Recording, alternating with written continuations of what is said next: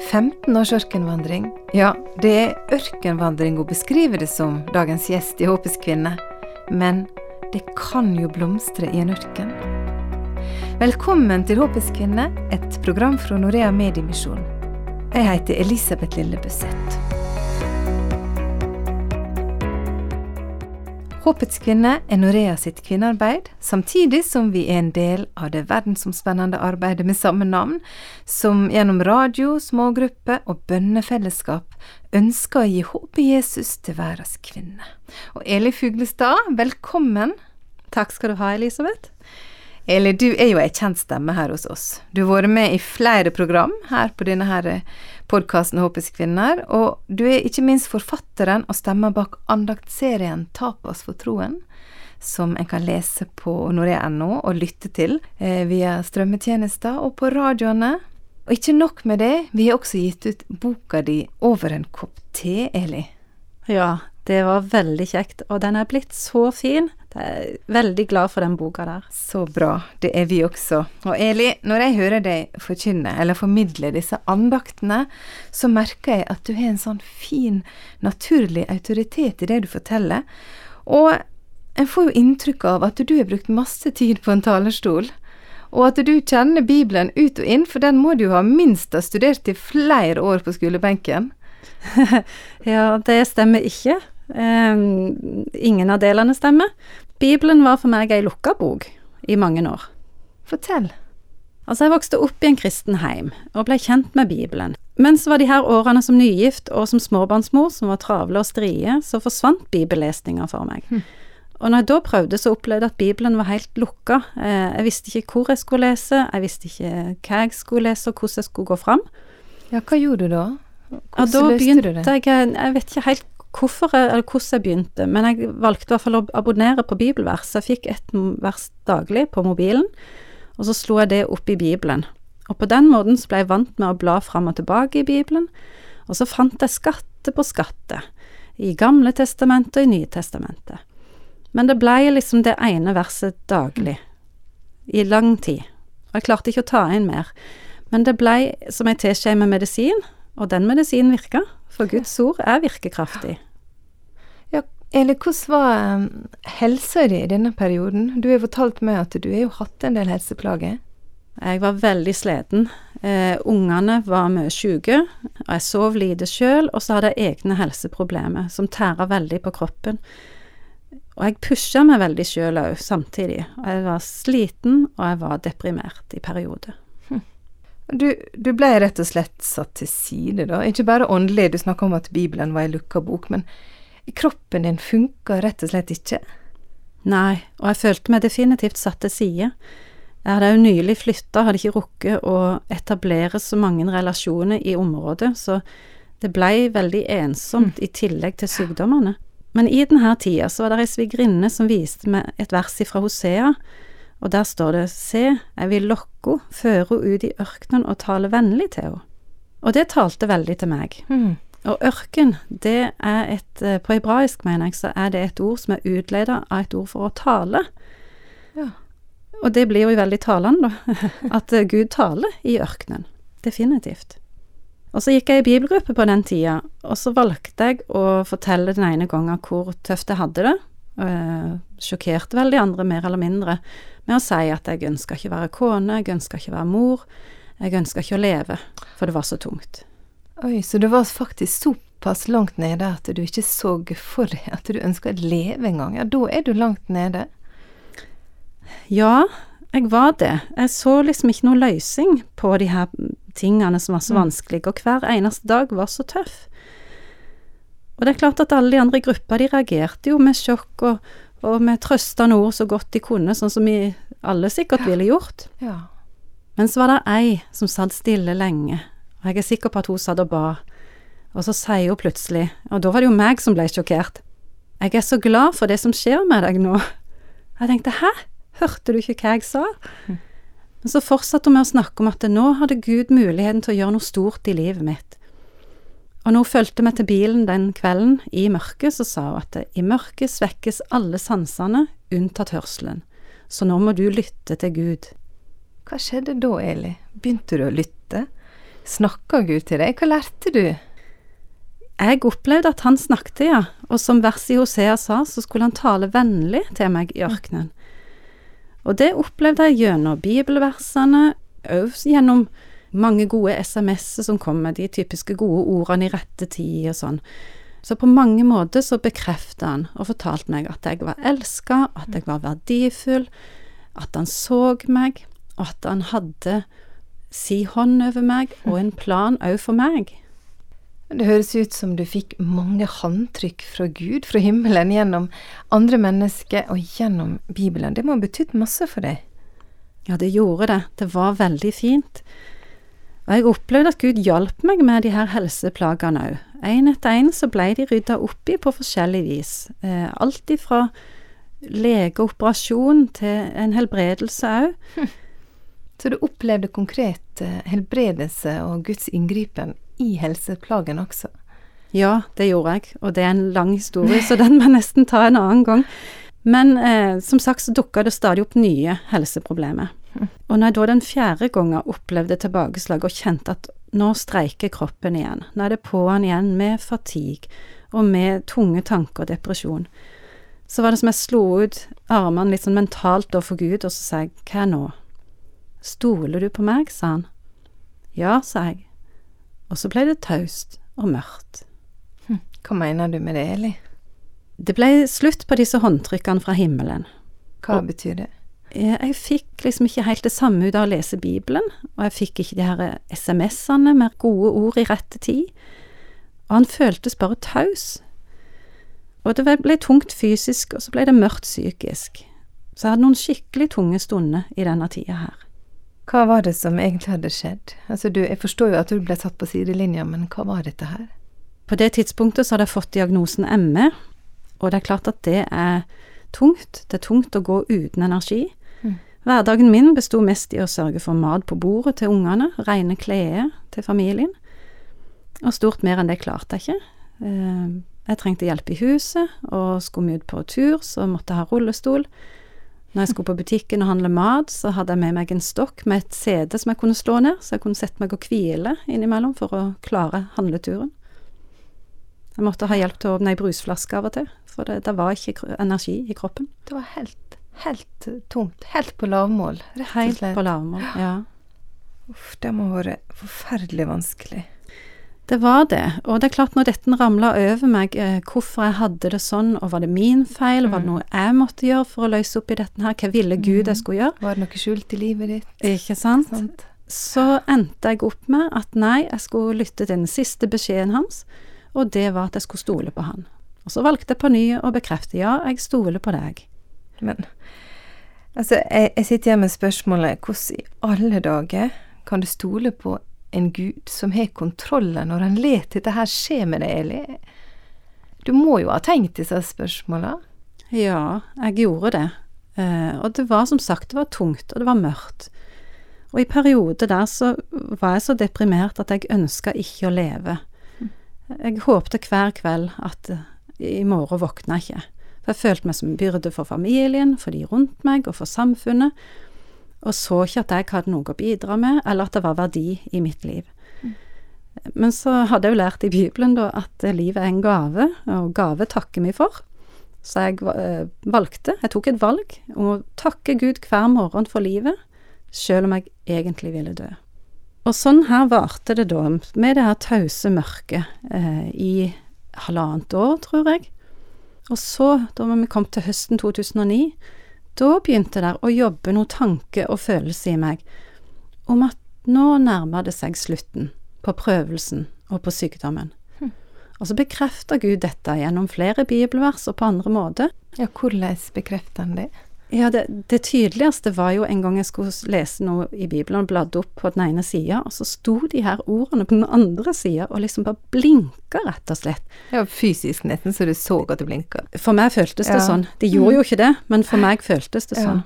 Og så kunne jeg lese at mine sørgedager var til ende, eksempel, og at når tida var inne, så skulle det skje i hast. Og der og da så blei det sådd et trusfrø om at jeg skulle bli frisk i 2010. Mm. Men det var skummelt å tro på det. Det tok litt tid før dette trosfrøet vokste i meg sjøl. Etter hvert så vågte jeg å si det til noen få av mine nærmeste. Men det var skummelt, for Mm. dette samtidig forfalt kroppen ytre sett mer og mer. Innvendig kjente jeg at jeg ble bygga opp og forberedt. Du, jeg tenkte tilbake igjen til det du snakka om, at du på trass valgte å takke. Tror du det var en del av denne prosessen, å skape det trua i det? Jeg tror at det i hvert fall har noe for seg å takke, Mm. òg når en ikke kjenner på takknemligheten til å ta det valget. Og i dag takker jeg virkelig for livet. Mm. Jeg er veldig glad for at jeg lever. Så ja, kanskje spilte den en rolle. Men fortell videre, du sa at du hadde en, en trua på at det skulle skje i hast, for det fikk du et, eh, et vers på. Hva skjedde? Ja, det som skjedde var at i juli 2010 så var jeg eh, på kurs hos en psykiater, og han ga meg ny kunnskap om kroppen og hjelp på andre måter. Og der altså i løpet av fire dager så ble jeg frisk. Så det skjedde som Gud hadde sagt. Jeg ble frisk, og jeg ble frisk i 2010, og det skjedde i hast når tida var inne. Fordi Gud ville det. Ja. Og han brukte en psykiater.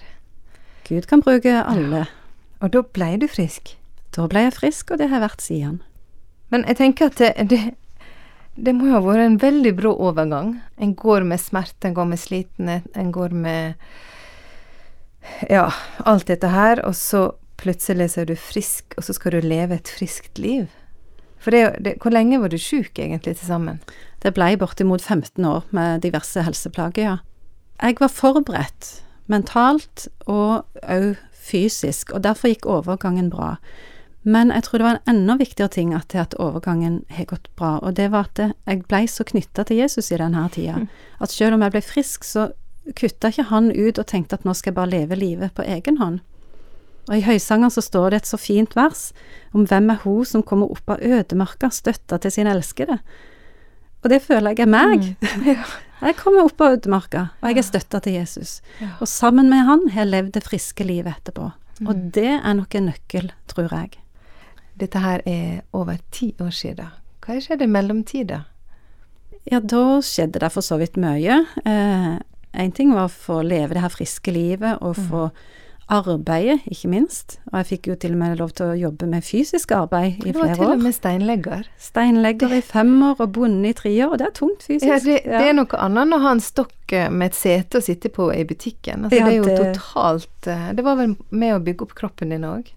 Det var det òg, selvfølgelig. Mm. Eh, og det var en like total forvandling som du kan se av en ørken. Ja. Eh, når du ser en sånn rask film etter at det har regna i ørkenen, der det går fra å være helt dødt til å være fullt av blomster.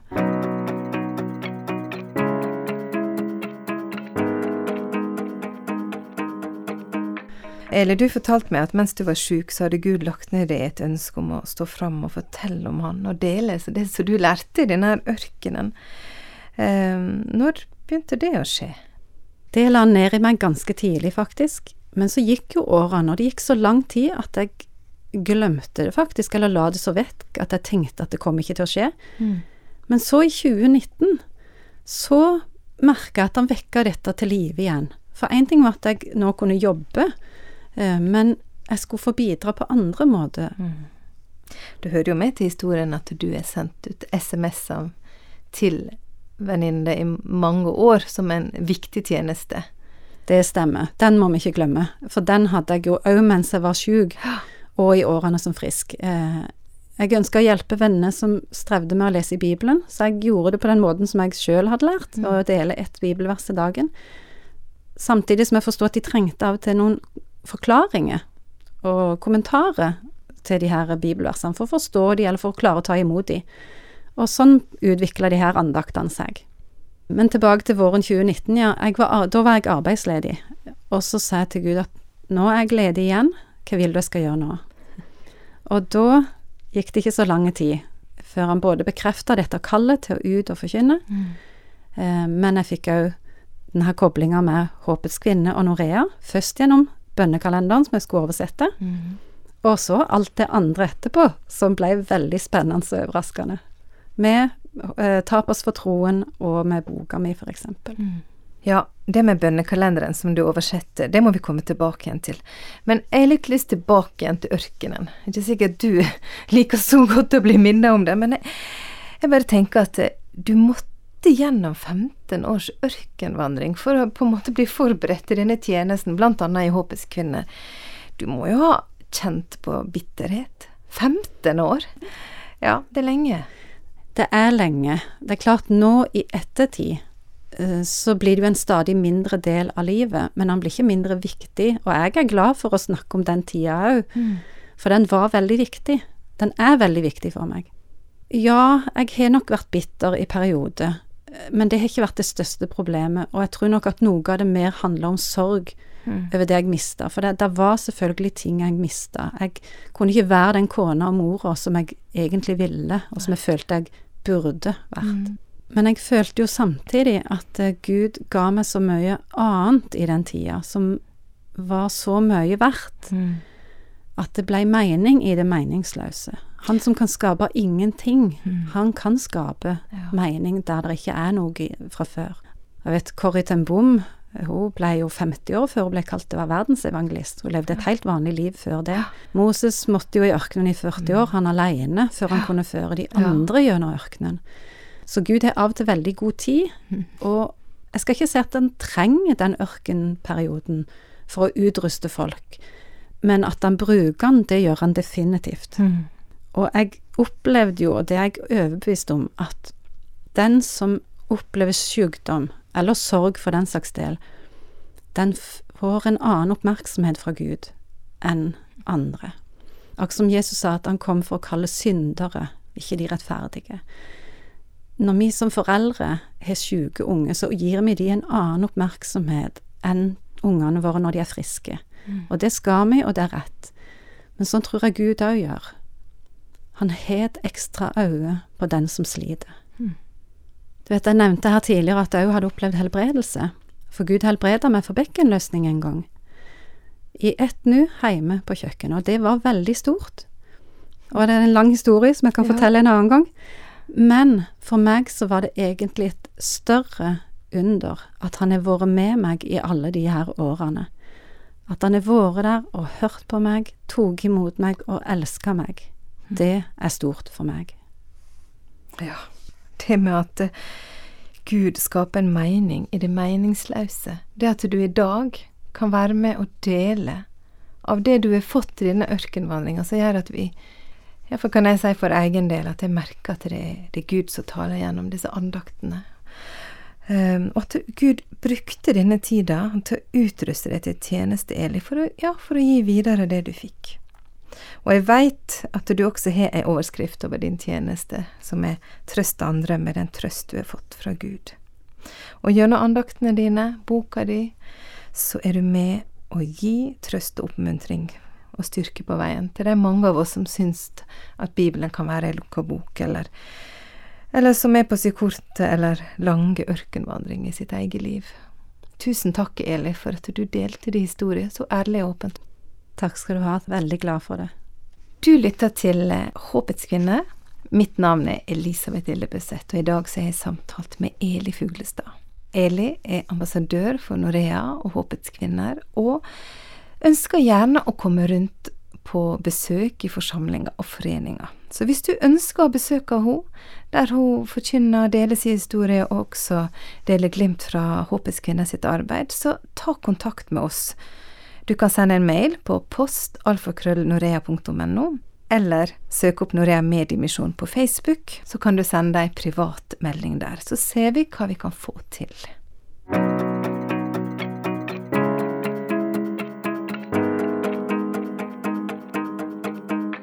Eli Fuglestad, ditt engasjement for Norehoppets kvinner begynte med å oversette den internasjonale bønnekalenderen til norsk.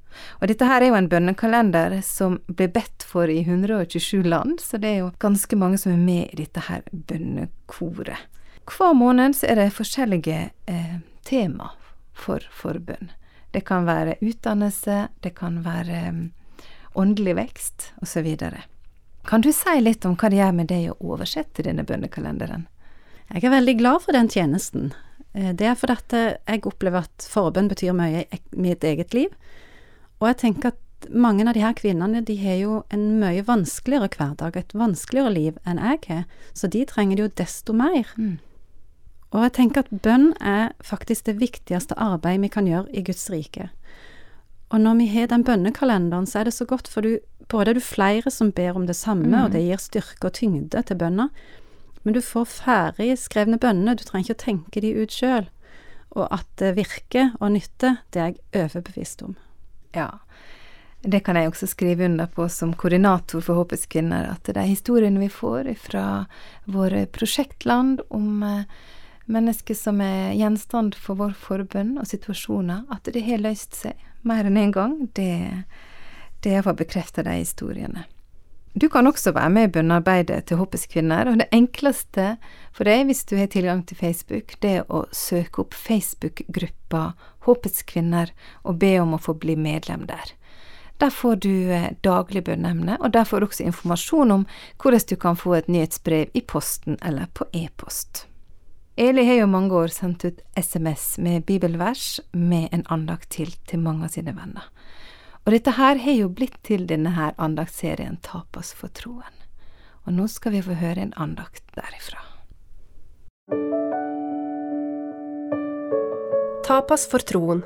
En smak av Guds ord i din hverdag. Dagens bibelvers leser vi i Jeremia 17, vers 14. Helbred meg, Herre, så blir jeg helbreda. Frels meg du, så blir jeg frelst. For du er min lovsang. Det handler vel om at det er Gud vi trenger å søke til uansett. Gud kan helbrede både overnaturlig og gjennom lege, behandlere, psykiatere, medisin og mye mer. Han er ikke bonden til én metode. Se, jeg gjør noe nytt, sier han i Jesaja. For han er alt mulig. Han sier, Jeg er Herren, alle skapningers Gud, skulle noe være umulig for meg? Uansett hvordan, så er det det viktigste at han står bak. Og så er det ikke først og fremst kroppen vår som trenger helbredelse, men trua og hjerteforholdet vårt til Gud. Derfor frelsen. Om kroppen blir lekt, men sjela går fortapt, da er vi tapt alt likevel. Men er ånd og sjel helbreda, da kan vi egentlig tåle alt, au at kroppen blir lekt. Søk du til Gud, for helbredelse og frelse, og han vil bli din lovsang. Du hørte Eli Fuglestad i programserien Tapas for troen fra Norea Håpets kvinner. Det var Tapas for troen av Eli Fuglestad. Og du kan også få tilsendt eh, på SMS andakt tre ganger i veka. Da sender du en SMS med kodeord Norea tapas til 2065. Da får vi telefonnummeret ditt, og du får en SMS med lenke der du trykker det inn på norea.no for å lese eller lytte.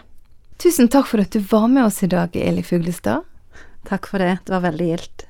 Og takk til deg som lytta. Jeg håper du ble inspirert av historien til Eli.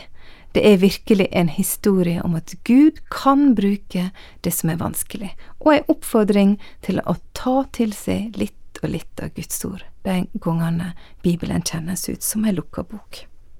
Helt til slutt, ta imot Herrens velsignelse. Herren velsigne deg og bevare deg. Herren la sitt ansikt lyse over deg og være deg nådig. Herren løfte sitt åsyn på deg og gi deg fred.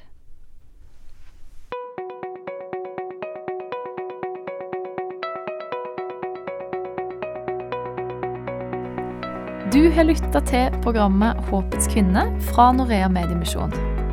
Ønsker du informasjon om vårt arbeid, gå inn på norea.no. Der finner du også podkasten vår og informasjon om hvordan du kan være med og be for verdens kvinner.